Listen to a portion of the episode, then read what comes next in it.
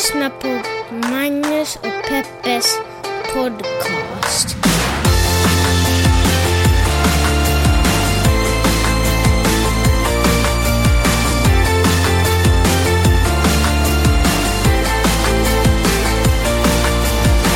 Hallå internet och hjärtligt välkomna hoppas jag att ni känner er till den här podden som heter Magnus och Peppes podcast. Berätta, vad handlar podden om Peppe? Podden handlar om feminism, om mediekritik, om samhälle, antirasism och uh, populärkultur. Snyggt! Berätta, vad ska vi prata om idag? Idag ska vi prata om det visuella. Mhm. Vi ska tala om Schilds och Söderströms katalog. Vad ska vi säga om det då? Ah, jag ska fråga dig vad du tycker om den. Har du sett den? Eh, jag såg en- nyligen en bild på den. Kan du beskriva den? Eh, två personer, två författare, står eh, är på uppslaget och eh, längst fram, eller i förgrunden, så är ju deras eh, flaggskepp Kjell Weste eh, man, kan man väl säga att han är. Eh, och sen är lite i bakgrunden, återigen lite kikandes fram, inte bakom ett träd, men du vet på sidan och, tittandes fram, så står en annan författare som heter Eva Frans och hon är liksom längre bak. Så det är ju tydligt ett eh, maktspel här. Jag ska visa... Det är min eh, snabba analys av det. Ja, men det var bra. Vill du prata lite mer om det här? Ska jag visa höstens, eller vårens katalog också. Det här är väl höstens katalog? Det är många frågor som eh, väcks när man ser det här. Eh, varför har de valt de här två författarna? Varför har de valt den här dynamiken i bilden? Vad är det? För så här är det ju, när man tar en bild så försöker man ju säga någonting med bilden. Jag tror att många tänker att man tar en bild och sen så försöker man ta en fin bild. Men hur man än gör så är det någonting man kommunicerar med den här bilden. Och då är det ju intressant att tänka, eller liksom lite spekulera i vad det är som försöker kommuniceras med den bilden. Här är eh, vårens katalog. Kan du beskriva den? Ja, där har vi återigen två författare. Den här gången så är de på samma djup i bilden kan man säga. Den ena föreställer Merete Mazzarella. Ja. Mazzarella. Och, eh, ja, heter han det? Mazzarella? ja. Ja. Och den... Det var inte kommit någon härskarteknik Nej, nej, nej, nej, nej. Och den andra är Philip Teir. Philip Teir är, sitter ner i en fåtölj medan Merete, som nog är den större författaren av de två, står upp bredvid honom. Lite som i ett, ett, eh, ett sånt här, vad ska jag säga, ett fa- gammalt familjeporträttsstil fast liksom lite punk. Jaha, intressant analys.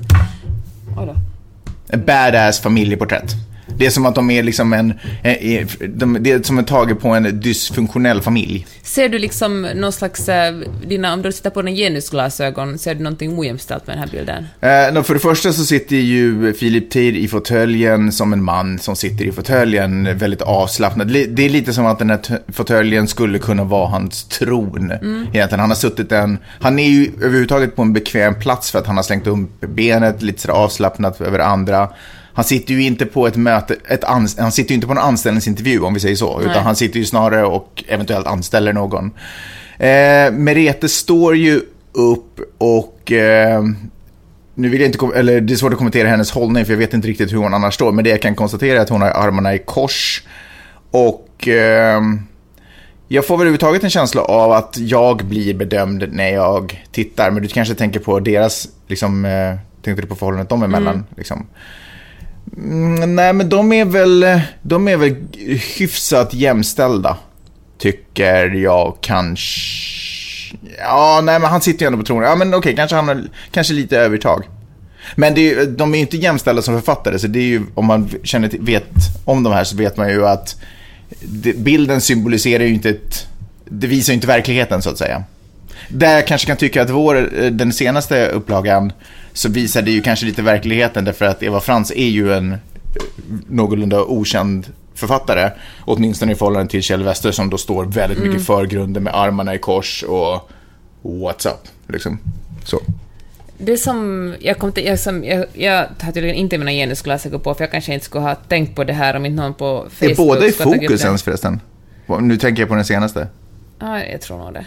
Det skulle fräckt blurra Evas ansikte. Nej, men jag tänker skärpa djupet, att det kanske skulle bli... Ja, okej. Men, eh, men jag tycker det, eh, så här tycker jag, alltså jag håller med dig om att det är naturligt att Kjell Westö står lite i förgrunden eftersom han är den stora fattaren. Om inte å andra sidan... Ja, men det skulle ju lätt ha gått att... samtidigt kunde man ju ha haft honom kanske i bakgrunden och varit sådär, alla känner ändå till för Ja, Kjell Westö. exakt. De ska vara sådär, Precis. hej! Kolla där, där är Kjell Westö och vem är Ja, den nya men vem är det som står framför honom? Vad underligt. Det måste skulle- vi undersöka. Precis. Hon måste vara bra eftersom... Ja. Men jag menar, det här är ju... Det där skulle ju typ kunna vara hans älskarinna som står ja, bakom. faktiskt. Eller hur? Men, men två, liksom, jag tänkte på, det var en massa saker som hände i mitt huvud när jag såg den här, det var flera olika långa diskussioner på, bland olika finlandssvenska kulturpersonligheter den senaste, den här kom ut, den här katalogen. Och eh, då tänkte jag så här på ett, eh, hur, hur folk är försiktiga med att eh, vara kritiska i svensk Finland. För att eh, alla känner varandra på något sätt och man vill inte... Eller liksom, det finns några få personer som vågar vara, okri, som liksom vågar vara, vågar vara kritiska. Men eh, många är nog väldigt försiktiga. Sen finns det de som liksom inte förstår att det är ju inte liksom Kjell Westö och Eva Frans eller, eller Philip Teir och Maretta Mazzarella som har insisterat på att, att, fotogra för att, att fotografier skulle vara uppbyggt på ett visst sätt, utan det är ju utgår jag från fotografen och sen är det säkert varit en representant från förlaget med där som har sagt att hallå, vi vill att den här ska se ut ungefär så här. Och det här är, kan du komma med några förslag på en bra dynamik. Tror du? Ja, men jag tror det. Jag tror inte det. Jag tror att de bara, kan inte du ta en bild, vi vill ha de här två på omslaget. Tror du det? Och sen har fotografen varit så här, men Kjell Western är så jävla cool. Vem är du? Ja, men skitsamma, kan du stå där bak? Och så bara, kom hit. Jo, jag tror det. Jag är De ganska har säker. säkert kommit med flera olika förslag. Ja, vilket fall som helst. Vet du vad, jag, ty- jag tycker att det är ganska intressant för att eh, de här, på något sätt, omslagen skulle ju kunna ha varit omslag på böcker. Mm. Och då tänker jag, vad, vad heter de här böckerna? Förstår du vad jag menar? Den här till exempel med Philip Teir och eh, Mariette Mozzarella där de båda står, det skulle kunna vara eh, rader ur våra liv eller några sådana saker. Det, det är uppenbarligen, förstår du vad jag Mm. Ja, menar? jag förstår det. Och den andra är en deckare. den, Ja, medan den andra är så här, den andra kvinnan eller eh, hon Eller, som... eller, eller så är de två poliser, det skulle man också... Det är så klassisk deckarpose faktiskt. Det, liksom, det skulle vara en svensk deckarserie som visas som Netflix har köpt Ja, men hon är absolut aspiranten då som är på väg upp Mm. som kanske sen sista slutet möjligen knäcker det, men det är hans fall. Liksom. Ja, ja, det är sant. Men det måste jag säga att jag gläder mig så otroligt mycket åt att Svenskfinland har tagit på sig sina genusglasögon och faktiskt äh, granskar bilder.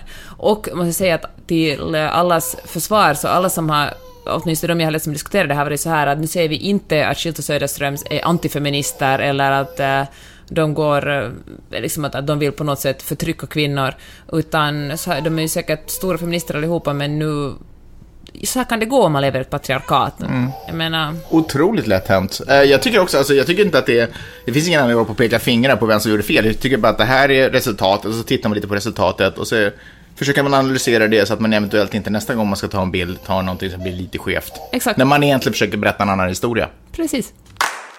Apropå bokomslag, hörru du eh, har ju en stor nyhet, vill du berätta om den?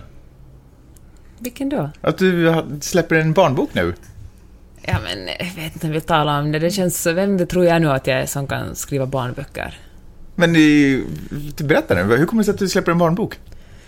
Men alltså, Berätta om din barnbok människa, vad är det för fel? Öppna munnen och tala. det handlar om en liten person som heter Kim som träffar en uh, dinosaurie och... Men vänta, är eh, Kim en pojke eller flicka? Ah. Du sa en liten person, du gjorde det så mysteriskt. Ja, men det är en liten person. Det är väl irrelevant om det är en pojke eller en Mhm. flicka. Som träffar... Eh, som är rädd för att gå och kissa på natten och, eh, och som eh, sitter i en bilkö och, och träffar dinosaurier och som eh, simmar med hajar. Alltså, vad är, Peppe, vad är det för fel på? Varför började du skriva barnböcker? Vad är grejen? Nej, men jag kan ju inte påstå att jag kan skriva en barnbok. Så varför känns- gjorde du det då? Nej, men för att jag testade på det. Jag, Nu blir jag faktiskt jättegenerad. Varför blir du generad för? För att... Eh, jag vet inte riktigt vad jag ska säga. Liksom, det känns som om... Eh, det känns som om alla riktiga barndomsförfattare kommer bli jättearga på mig. Ja, men vet du vad? Det kanske känns eh, som att du är en speciell person som liksom inom cita- citationstecken kan göra en massa saker. Men du är bara en vanlig människa och det illustrerar du till exempel genom att ha en liten snorkråka som hänger ut där. Så att du behöver inte alls tro att vi tror att du är, Tack, någonting, att du är någonting speciellt. Så du kan helt i lugn och ro berätta om, om din barnbok och varför du skriv, har skrivit en barnbok. Nej, Kan, en- var kan man köpa? Kan man köpa den? Hur Den, har, den, har, den går i tryck nu ganska Okej, snart. Den kommer ut på både svenska och finska. Ja, Och eh, jag tror den heter, ska heta Kim och mördarmonstret. okej. Och, eh, och ja, det är liksom det är fem små... Är, det- är Kim en liten nordkorean? Nej. Nej, okej. kanske i nästa avsnitt. Men eh, nej, men alltså den, det är som en, en barnbok med fyra små historier.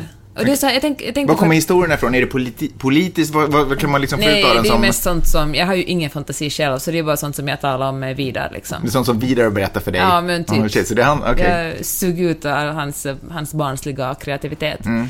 Men det är liksom fem små historier i en bok, så, så när man är så supertrött på kvällen och inte orkar läsa en hel bok för sitt barn, då kan man bara läsa en historia och sen spara resten till följande dag. Okej, Eller om man har flow så kan man läsa alla fem på en gång.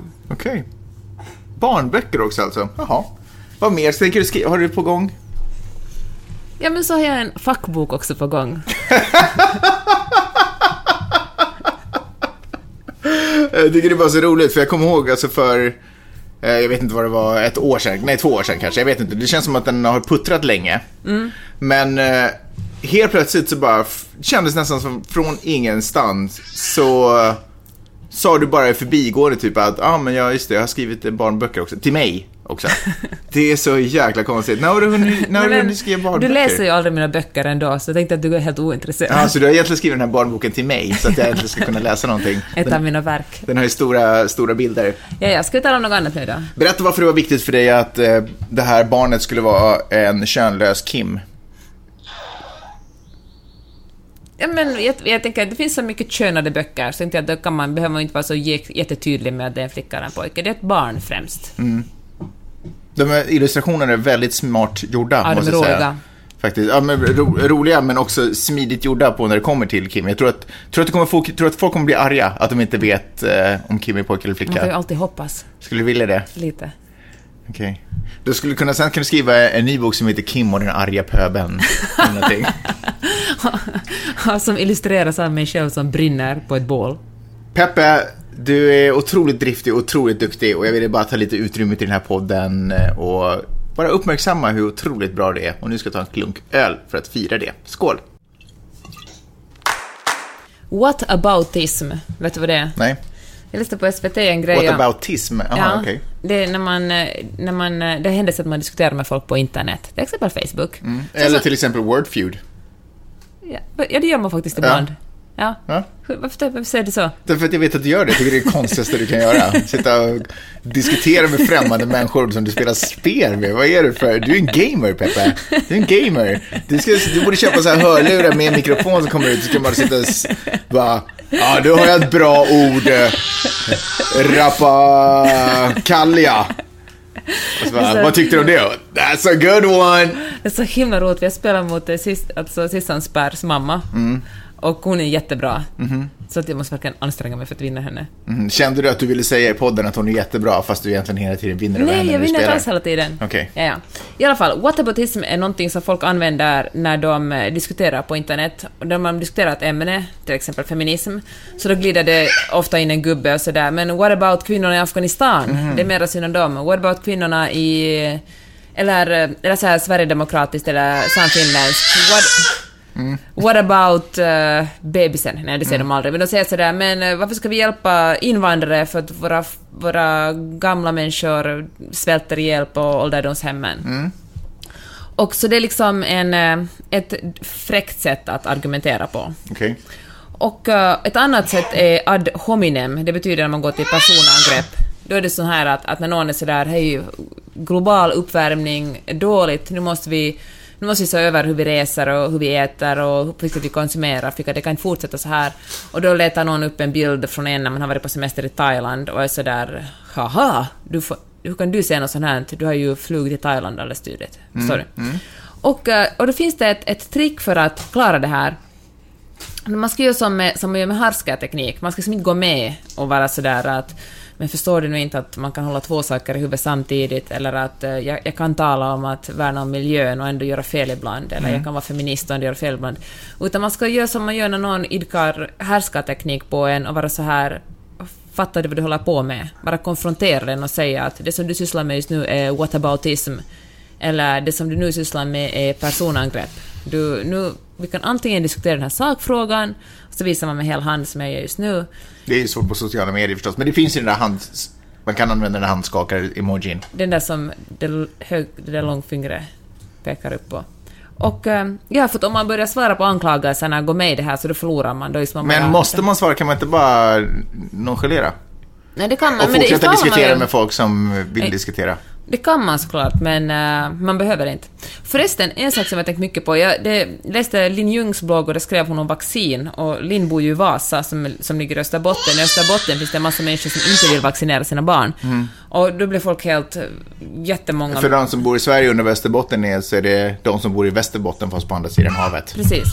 Och, eh, och folk, det finns liksom, folk, alla, inte alla österbottningar, men det finns folk som är religiösa i Österbotten och som, jag vet inte om det har, om, och det finns någon koppling mellan Gud och antivaccin, men ja, det där hittar jag på. Jag vet faktiskt inte om det finns en koppling Nej. där. Men det finns i alla fall många antivaxare där. Och så kommenterar jag på, så blev jag så inspirerad så jag skrev ett kort inlägg om varför man ska vaccinera sina barn, skrev på min blogg. Och så tänker jag, så kommentera och då var folk sådär, ah Peppe, de här antivaxarna var sådär, jag trodde, trodde du var smartare än så, man kan få autism av vaccin och, och det ena och det andra. Och så skrev, så skrev Basse ett ganska elakt svar, min kompis Basse, på den här min blogg. Ingen svarade honom. Så skrev du också en kommentar. Ingen svarade dig. Fast jag kommenterade ju inte det till oral fairness. Jag, började, jag gjorde ju en killgrej och började prata om det helt. Jag började prata om det jag ville prata om. Oavsett vad det är. Jaha, ni har en diskussion på gång här. Låt mig komma in och berätta någonting som inte har med diskussionen att göra. Ja. Men ingen svarade dig ändå. Nej, inte ens med det. Nej, inte ens det. Vilket ju kanske var egentligen rätt taktik att bara tysta ner dig. Mm, du ser. Men jag tänkte på det, för det min erfarenhet är faktiskt det att så fort en snubbe kommer in i kommentarsfältet så då blir andra mycket försiktigare genast. Mm. Både kvinnor och män. Så länge det är en kvinna som skriver då kan man bara liksom breda ut sig lite och, och säga både ett och annat. Men därför att när en eh, kvinna håller på och fräser ifrån så vet man att det är det enda som kommer ske. Men om en snubbe fräser ifrån och provocerar så finns det en chans att en snubbe kommer plinga på din dörr en vacker dag och stå där och slå dig på käften. Samma sak tänkte på igår, jag fick skjuts med en kompis. Till och med Bas- en snubbe som Basse. Nej, bara ska aldrig slå någon. Nej, nej, nej, men potentiellt liksom. Man vet ju aldrig. Man vet aldrig. Men jag fick skjuts till stallet igår med en kompis och hon sa att hon hade, hon hade krockat in i en bil samma dag. Eller bara liksom kört superlångsamt så hade bilen framför henne tvärbromsat samtidigt som hon sträckte sig efter sitt kaffe. Och så sa hon att hennes första reaktion var att hon blev jätterädd för hon tänkte att han kan inte vara så arg. Och hon sa att det har hänt henne flera, hon liksom aldrig, hon har aldrig tidigare, han var sen visade sig vara jättesnäll och allt gick bra och det var fattat ett misstag, men hon sa att det har hänt liksom flera gånger tidigare att hon har sett någon krocka. Det, hon sa att inte så länge sedan på en parkeringsplats såg hon en, en gammal gubbe som backade ut för ett, eh, från en parkeringsplats och så var det en annan bil som backade in i honom. Och den yngre mannen i den andra bilen han blev så arg så hon, hon sa att hon såg att det inte var den gamla gubbens fel. Men eh, hon vågade liksom inte blanda sig i det för hon var rädd för att få stryk. Och jag kan också känna samma sak, liksom att, att folk är så... Ja, männen i... eh, när, när kände du det? Nej men så här, man är på en klubb till exempel. Och så kommer någon fram till en och hypotetiskt sett och vill göra något och vara så här, hej vill du prata Vill för... göra någonting. Nej men inte göra någonting så, men eventually Du göra ska inte gå någonting. på klubbar, Peppe. Och sen istället för att säga nej tack, inte intresserad, så måste man vara sådär fnissig och le och... För att det finns... För att säger man nej, inte intresserad, hejdå, så kan de bli så aggressiva, snubbarna, för det är så hemskt att få ett nej. Eller de liksom blir så förnärmade av att få ett nej. Så då, och det här tror jag gäller alla, liksom, vare sig man står på spårvagnen eller rör sig på gatan. Man måste alltid, när man kommer med inviter och om man verkligen inte är intresserad, så måste man göra det skratta och, och göra det på ett charmigt sätt. Eller säga att man har en pojkvän för att män respekterar ju alltid andra män mycket mer än kvinnor. Mm. Ja, hur hängde det här ihop med What about dism? Eller vad det Ja, det var du som vanligt som bytte samtalsämne och nu är vi här. En liten uppdatering på gubbväldet i USA lyder som följer att Bill O'Reilly fick sparken från Fox. Det är säkert ingen som har missat som ens har ett litet intresse av den sortens saker. Eh, det var ju kanske inte någonting man såg komma. Jag trodde faktiskt att han skulle komma undan med det, för han är en av deras största ankare. Man, kom, han, eh, man kan säga att han kom undan med det, för han fick jättebra betalt. Alltså han fick 40 miljoner betalt. Det är inte så dåligt. Det är en årslön, visade sig också. Är det sant? Ja. Herregud så mycket pengar han Ja, gör. det är faktiskt sjukt i huvudet. Nu har han Eh, en podcast, visste du det? nej, vad heter den då? Jag vill, jag vill inte göra reklam för det. Okej. Eh, sen kommer jag ihåg att förra podden så snackade vi också om den här snubben som... Eh, Vänta, eh, får jag backa tillbaka ja. till, till eh, män som trakasserar kvinnor? Jaha. Jag tänker på att hur mycket pengar han fick. Kvinnorna fick ju 20 miljoner, medan han fick eh, 40 miljoner. Ja. Men eh, Bill Cosby är säkert den enda mannen som inte fått någon kompensation för att ha fått sparken för att ha trakasserat kvinnor. Nej, det är sant. Det är ju nästan lite synd om honom om man tänker det på det sättet. Alla andra fick en massa. Det Mm. nästan lönar ju sig att trakassera kvinnor. Nåja, en årslön. Det är ju... Eh, det är frustrerande det där med eh, Bill Cosby, för att nu tala om riktigt färska, färska nyheter. Men, eh, men Bill Cosby, det är svårt när människor som har bjud, varit en ganska stor del av ens uppväxt och liv och stått för så länge ett positivt budskap. Och han har ju han var ju väldigt engagerad i uh, civil rights och sådana saker. Har ju verkligen stått i, gick i bräschen ganska mycket på den tiden för, för svartas rättigheter Mm. och sådär när det kommer till människor från underhållningsindustrin. Eh, och alla pengar han har donerat till det där. Och sen så på något sätt så svärtar han sitt eget arbete. Mm. För han hade ju kunnat, du vet om man, inte, om man hade varit en vanlig person och inte gjort allt alla de där fruktansvärda sakerna som han gjorde mot kvinnor så hade ju hans legacy varit, du vet, Mm. the king. Liksom.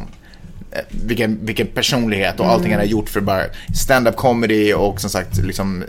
Eh, Men där ser man, folk är många saker samtidigt. Ja, men vet du vad? Jo, jo det är de. Men, men man kan ju inte, man kan inte hylla en person samtidigt som man Samtidigt som man konstaterar att den har gjort något fruktansvärt. Förstår man kan inte... Nej, det är svårt att lyfta upp det. hans Ja. positiva saker nu, fast det också är sant. Liksom. Och allting som han har betytt för så många människor innan det här kanske ens... Men jag tror också att uh, kanske många av de här kvinnorna hade lite svårare att uh, anmäla honom eftersom... Han är- han, ja, men han har gjort så mycket jo, gott. Jo, precis. Det var intressant, det här, som en parentes, jag lyssnade på en podcast som berättar om att David Schwimmer, vet du vem det är? Alltså, Han från Vänner. Russ i Vänner. Han har gjort en ny uppsättning äh, filmer som ska utbilda folk i sexuella trakasserier. Mhm. Och äh, som handlar om att det är liksom helt vanliga, snygga människor, vanliga, snygga hipsters kan också trakassera dig sexuellt. Det, behöver, det är inte alltid den liksom fula gubben som. Men gör det är det. väl aldrig den fula gubben Ja, som, fan, det är också den fula gubben. som trakasserar sexuellt. Verkligen. Bill O'Reilly, för att ta ett exempel. Ja, okej. Okay. Jag tänkte på en hobo. Anyways, eh, den här snubben som, vi pratade om det i förra veckan också, den här snubben som ligger bakom Infowars som var i någon sån här, eh, nu har jag bara engelska ord i huvudet, vårdnadstvist heter det på engelska. Och där det också framkom att han, eller advokat, en del av arg- advokatens planerade försvar skulle vara att den här snubben bara hade, han spelade bara en roll. Så allt det här hatet han sprider och all den här är egentligen bara liksom, han är en, perf- performance, han är en liksom. performance artist, precis. Han är ju nu i en ny rättstvist därför att nu var det ett företag som bara tröttnade på hans hat. En, eh, jag tror att han är ursprungligen en turk som bor i USA som startade en av de största yoghurtföretagen här i USA just nu. Var, och hans företag har blivit liksom attackerat av det här Infowarsen och säger att ja, de anställda där Eh, de, de, du vet, de importerar bara liksom, radikala muslimer att jobba på den här fabriken och de anställda där våldtar människor och du vet, bara helt fruktansvärda saker. Så nu är han eh, i ytterligare en rättstvist. Och en till grej eh, till den här lilla soppan, tro mig, jag har en poäng med det här, är att Fox News är ytterligare ett, en liten battle. Och den här gången är det mot alla svarta som jobbar på, Fox. nej jag ska inte säga alla, men många svarta som jobbar på Fox. En av de ankarna på Fox har också klivit fram, en svartankare, eh, har också klivit fram och liksom eh, är en talesperson för det här. För att de menar att det pågår en systematisk rasism på Fox. Och de vill helt enkelt bara, de är trötta på det och vill göra någonting åt det. Det som jag tycker är intressant med de här, alla de här grejerna där, där huset håller på att rasa ner över de här Ja. institutionerna som har fungerat så bra så länge. Därför att förut så hade vi inte en president som Donald Trump och därför så spelar det inte så stor roll. Det är bara galenskaper som sker som folk lite kan leva med därför att världen är på väg mot en bättre plats. Nu har ju världen slutat vara, upp, upphört att vara på väg mot en bättre plats, åtminstone i USA är det många som tycker. Och, Nej, det, behöver, det är inte subjektivt. Det är fan... Ja, men i alla fall. Och, och vad heter det? Och det, det den här polari, polariseringen har gjort, som, som också t- tar sig uttryck i de, alla de här marscherna och, och demonstrationerna, är ju att folk, och det tycker jag är så fantastiskt, att folk inte längre orkar vara tysta. Eller känner att de kan vara tysta. Nu, är det så här, nu börjar folk så här, call your bluff. Vad är det ni håller på med? Nu sätter vi papperna på bordet, tar det här till rättssalen och så reder vi ut det. Vad är det som egentligen händer? Nu får det vara nog med allt det här skitsnacket som man bara sitter och lyssnar på. Ja, men det är bara den där galenskap, det är bara den där Ja, jag fattar. galenmössan som håller på. Och, och jag kan nästan lite tycka att det är samma sak det där som du snackar om vaccindebatten också. Jag tycker att jag hör, folk är sådär, "Nej, men nu får ni fan ta och skärpa er. Nu får ni lite eh, liksom fokusera och inte hålla på och sprida massa, all den här dyngan. Man kan inte hålla på, man kan inte hålla på så länge. Jag tycker om de här rösterna som man ser poppa upp. Sen så tyckte det var ledsamt att eh, Bettina på Yle i en av de här trådarna när man pratar om eh, vaccingrejen förr tyckte att man skulle kunna ha ett debattprogram om det och det kanske inte jag personligen tycker är Ber- Kan du berätta mer, varför, varför ska man inte ha debattprogram om vaccin? Nej men jag tycker att de, de, debattprogram, debatter ska man ju man kan diskutera, mm, debattprogram ska man ha om saker som, eh, när man pratar om känslomässiga värden, ungefär. Eh, Eller inför politiska kampanjer till exempel. Här är en person från vänsterflanken, här är när man pratar höger. om åsikter, liksom, precis. När man pratar om saker som regleras av åsikt och av känslor och av, av eh, jag vet inte hur jag ska beskriva det. Men det, jag kan försöka beskriva det med att säga vad man Fast inte ska ha debatter om. ideologier måste också kunna falla under den under Ja, men det, det man framförallt inte, det man, jag kanske beskriver det bättre med att säga vad man inte ska ha debatter om. Jag tycker inte man ska ha debatter om, eh, om konstaterad fakta. För då, man kan inte, liksom, man kan inte diskutera fakta och det är ju det som vi har, vi har pratat om det många gånger i den här podden också. Att det är ett problem när folk känner, när folks känslor jämställs med vad som är sant och vad som inte är sant. Och det måste vi bara komma bort ifrån. Och då kan vi inte spä på den bilden av att min känsla är någon form av fakta. Du har rätt i dina känslor, det är en helt annan sak. Och du har rätt i dina tankar och sådär. Och du har rätt också till dina åsikter. Men vi måste klar, tydliggöra vad som är fakta så att du förstår att din åsikt är, strider mot saker och ting som är konstaterat som fakta. Alltså om vi har ett plus ett så kan man tycka att det känns konstigt att det blir två, att det borde rimligen Men bli det där någonting tycker jag annat. är det allra viktigaste, för det, både i den här eh, antivaccinationsdebatten, det var folk så här nej, vi har rest till Thailand och Kuba och liksom eh, Namibia och vi har aldrig vaccinerat våra barn och inte har de blivit sjuka. Mm, Men jag vill inte gå in Vänta, i... nej men får jag bara säga det? Så var det en annan, så var det en annan, eh, en, eh, en annan text som delades på YLE som handlar om bland annat om barn blir, eh, om barn blir överaktiva efter att ätit mycket socker. Och det finns inga bevis på det här. Och då fylldes hela kommentarsfältet av människor som var sådär att jaha, den här forskaren har nog inte småbarn. Och man bara, men så fungerar inte forskning. Forskning är inte att man går hem och tittar på sina barn och sen drar en vetenskaplig slutsats. Men det, det, jag ville, det jag ville på något sätt lyfta fram var att jag tycker det är fantastiskt att, eh, att man känner den här att nu får det vara slut på det här. För jag tror ändå att Bettina ändå var åsikten, eller jag tror att hon tänkte att vi lyfter upp det här i ett debattprogram så att fakta kommer på bordet. Bettina folk- Sågbom är alltså journalist på och Ja, programledare. vi lyfter upp det här, vi lyfter upp det här vaccingrejen på bordet så att fakta kan presenteras och alla får. Och så gör vi det i form av debattprogram. Men jag bara tycker att det kanske är, så jag, jag förstår att hon menar det liksom väl. Att hon, och det är också en av de här rösterna som jag tycker är fantastiska. Att man, man säger ifrån, nej men okej, nu visar vi hur det ligger till. Och så får alla se, så slutar vi hålla på, vi synar den här, lägger korten på bordet. Men sen kanske jag tycker att debattprogram inte är forumet att göra det. Eh, för vi ska, inte vi ska inte resonera kring huruvida det är sant eller inte sant. Eh, för då blir det ju som att vetenskaplig forskning är liksom upp för diskussion. Det man kan diskutera är möjligtvis veten, forskningens metodik som har kommit fram till det här resultatet eller, eller eh, hur, vi ska, hur vi ska välja att hantera det här resultatet. Men vi kan liksom inte debattera resultatet. Hej! Har du frågor och kommentarer så kan du mejla min mamma och pappa på Magnus och snabel-a gmail.com. Gör det!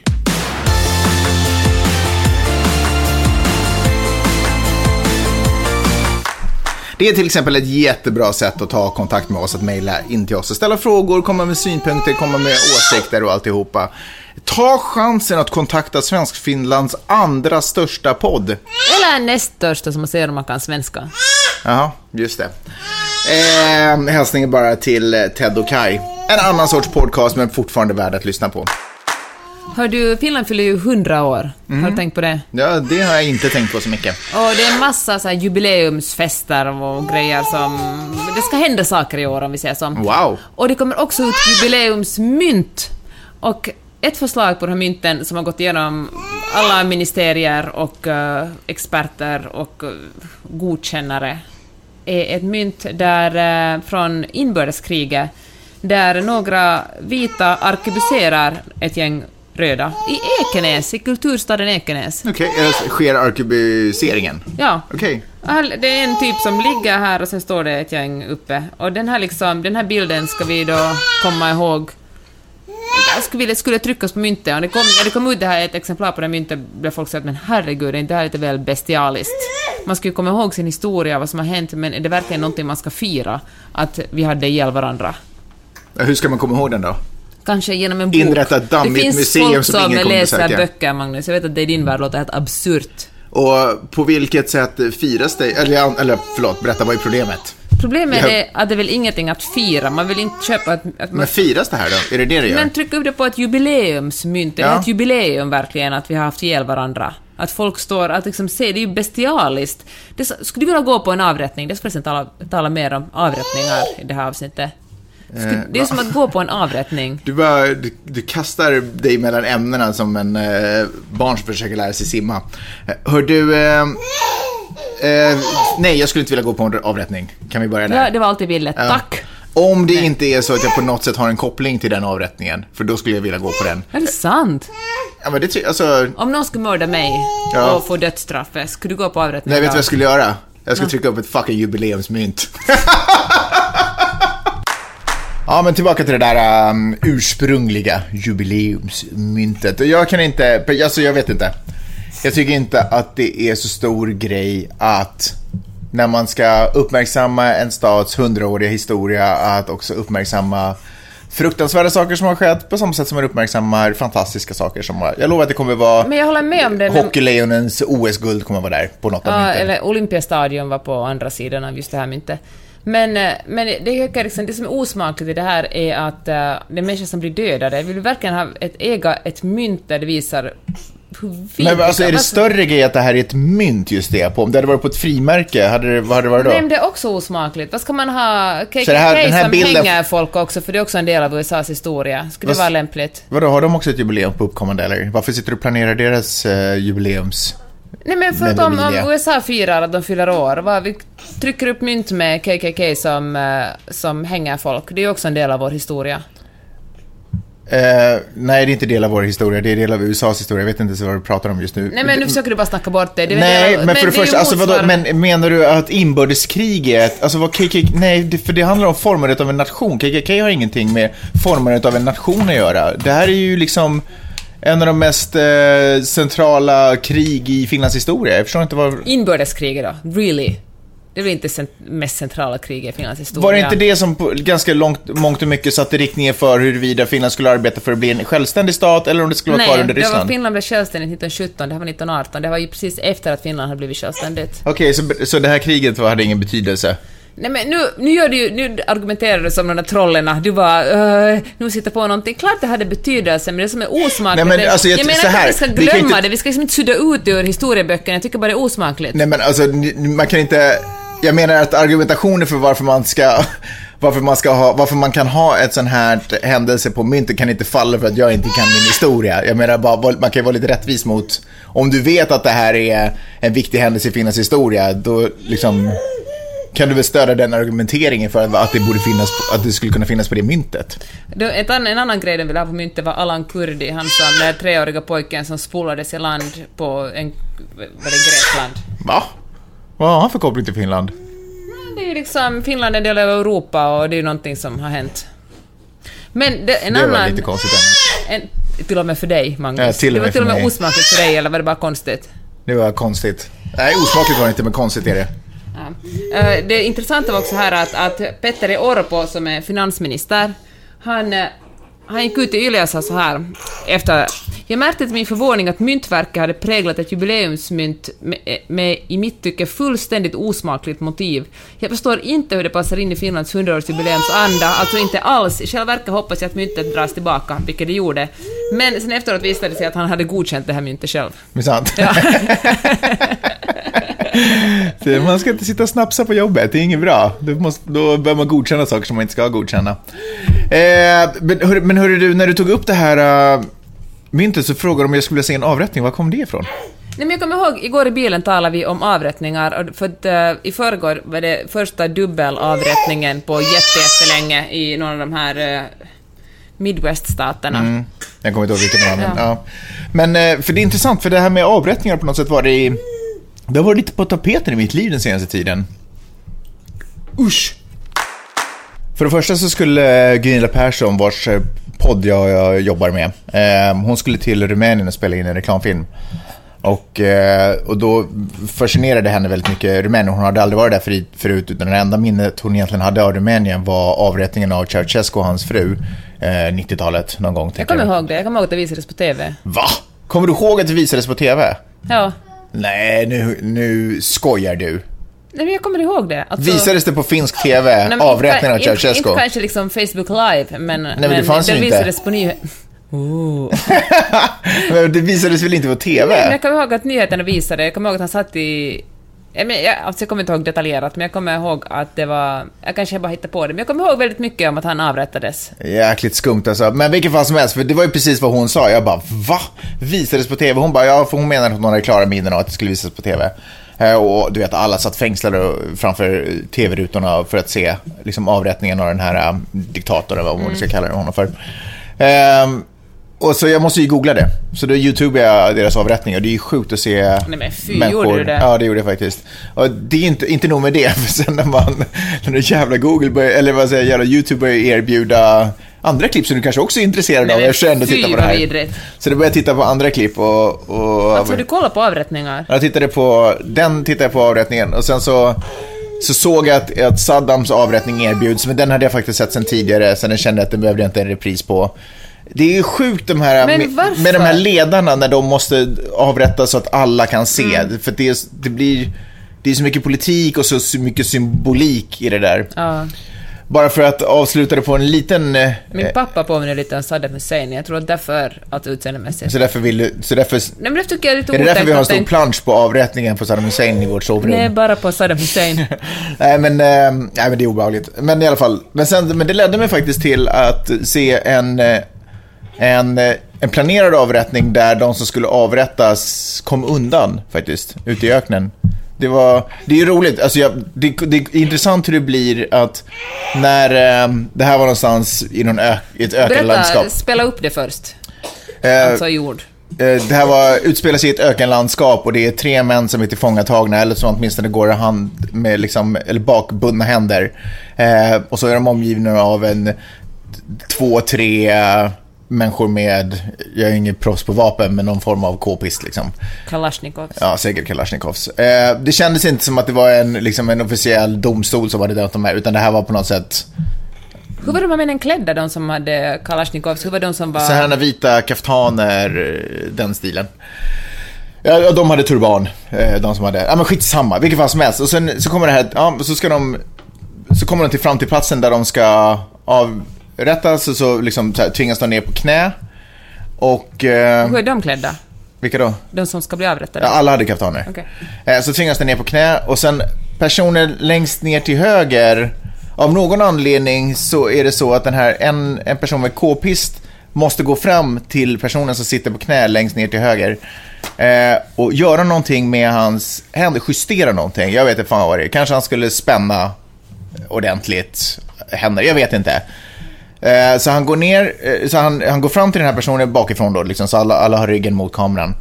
Och eh, lägger ifrån sig k-pisten på marken och så ska göra någonting. Och i det ögonblicket så kastar sig den här personen bakåt. Det här låter ju som en actionfilm. Men men är det här på riktigt eller är det iscensatt? Hur ska jag kunna veta det? Det var vad jag såg i alla fall. Men det är liksom filmat på avstånd och... och jag vet inte, jag vet faktiskt inte. Men han kastar, nu när du säger sådär, då känns det jättekonstigt att jag överhuvudtaget drar den här grejen. För det kan ju vara... Det kan ju vara... Vi ser 50. det på riktigt. Han kastar sig bakåt, överrumplar den här personen i en freaking Tintin-move. Har du sett Solens tempel? Den, ja, det var ett dåligt exempel, men en Tintin-move. Kastar sig bakåt så att killen som håller, som eh, en av de här förövarna, eller mm, Arkebuserarna. Nej, ja, men precis. Eller vakterna eller någonting. Eh, blir överrumplad och faller bakåt. Eh, och i, som i ett trollslag så är den här personen som nyss stod på knä och skulle få ett skott säkert någonstans i huvudet. Eh, har fria händer och bara tar den här k-pisten som, som eh, hans eh, fång, tillfångatagare hade lagt ifrån sig. Och bara skjuter ner allihopa runt omkring. Så killen med kameran också. Eh, bara, "Hä", faller, man ser att kameran bara, "Hä", han bara, och så faller han ner. Men, eh, Sjukt. men springer någon fram och tar filmen sen då? Nej, nej, det, nej, sen bryts det där. Och sen lägger de upp den på YouTube? Ja, det, är jättekonstigt. Nej, men jag vet inte. Jag, jag, det var inte ens meningen att du skulle fastna vid den här grejen, men det är på något sätt så... Och sen, som i ett trollslag, Så nu så på nyheterna ganska nyligen så är det ju så att för första gången på oerhört, oerhört länge För oerhört länge. Ja, så ska två, så, så sker det ju avrättningar nu Det var också du som sa sådär, det var inte jag som ville härmas någonting. i USA, i Arkansas. Jag försöker gå vidare men du envisas med att gräva dig bara djupare och djupare ner. Eh, avrättningar i Arkansas, det har inte skett på, eh, jag vet inte, 20 år. Sen 90-talet. Ja, superlänge i alla fall. Och nu ska det helt plötsligt göras igen och det har det väl redan gjorts också, ett par avrättningar. Förrgår. Ja, En dubbelavrättning. Precis. Eh, och då är man så här, men vad är det som händer med, är det Donald Trump som spökar nu igen? Vill du veta varför denna avrättning görs nu? Nej. Och varför det Eller, så, jag vill veta det. Jag och varför inte det är så himla bråttom med eh, att de här avrättningarna med giftinjektion ska göras nu.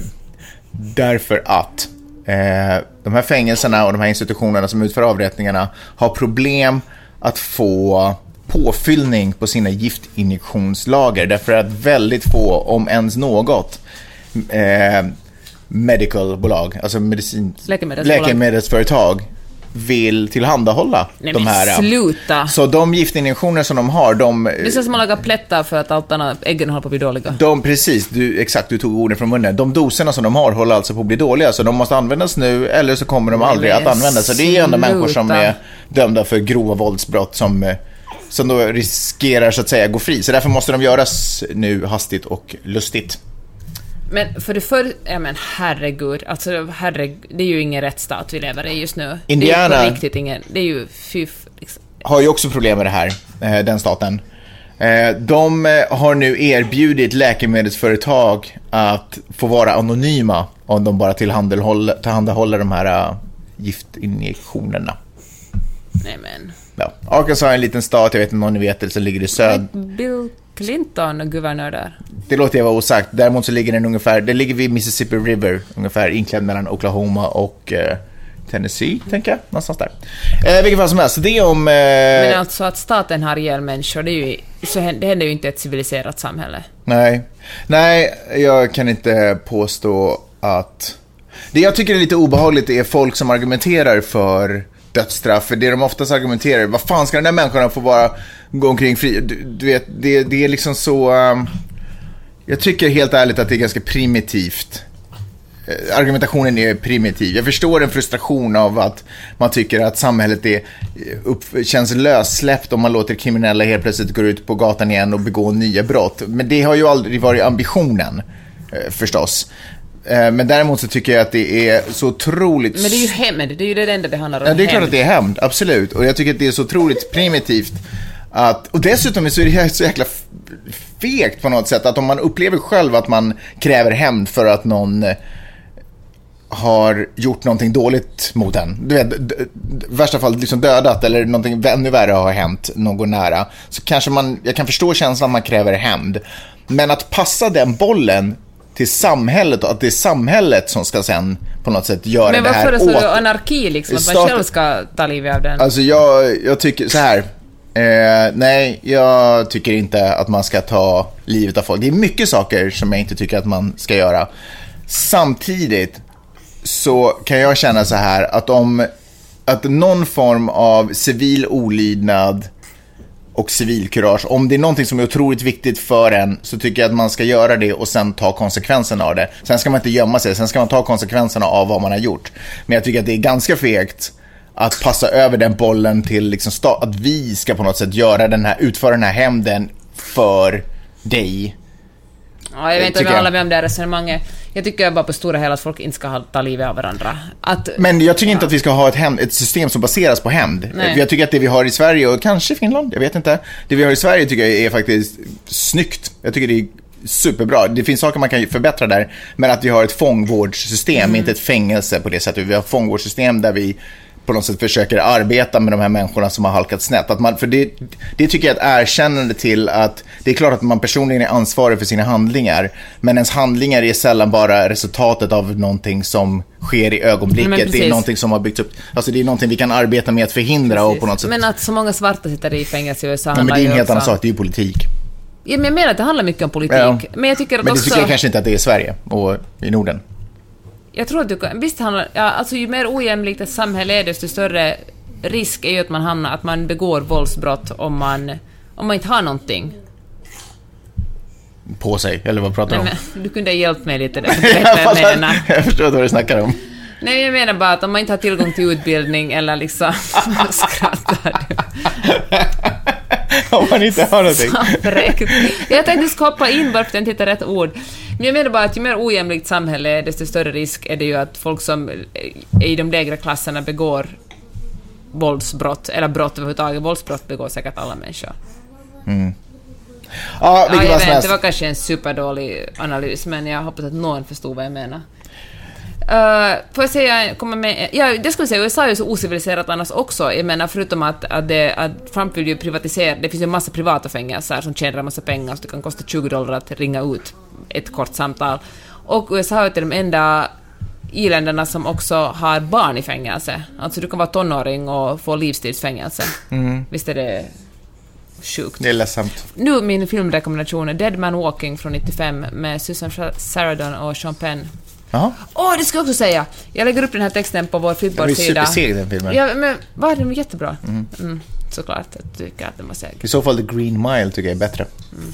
Uh, New York Times gjorde intervjuer med fem personer som hade suttit med på en, uh, på en avrättning, olika avrättningar i USA, och, uh, fråga, och fråga de här människorna varför de ville det. En, var, en hade fått sin son, ville se hennes sons mördare bli avrättad, och en annan var liksom advokaten till en person som skulle bli avrättad, och den här avrättade hade liksom ingen annan människa, ville bara finnas med finnas en människa som inte hatade honom, som fanns på andra sidan glaset. Men hur absurt är inte det? Ja, men att liksom gå på en avrättning, se en person mördas. Mm, fast det tycker jag också att om man har dragit i den tråden att man känner att man upplever sig så oförrättad och har krävt att lagen, eller att, att staten ska utföra ens hämnd åt en, då tycker jag nog att absolut att man ska närvara också. Då, då, då passar man inte på det, på den biljetten tycker jag. Det tycker jag är bara mer rätt. Ja, fy, jag, jag tycker det också är så osmakligt. Jag jag först, ja.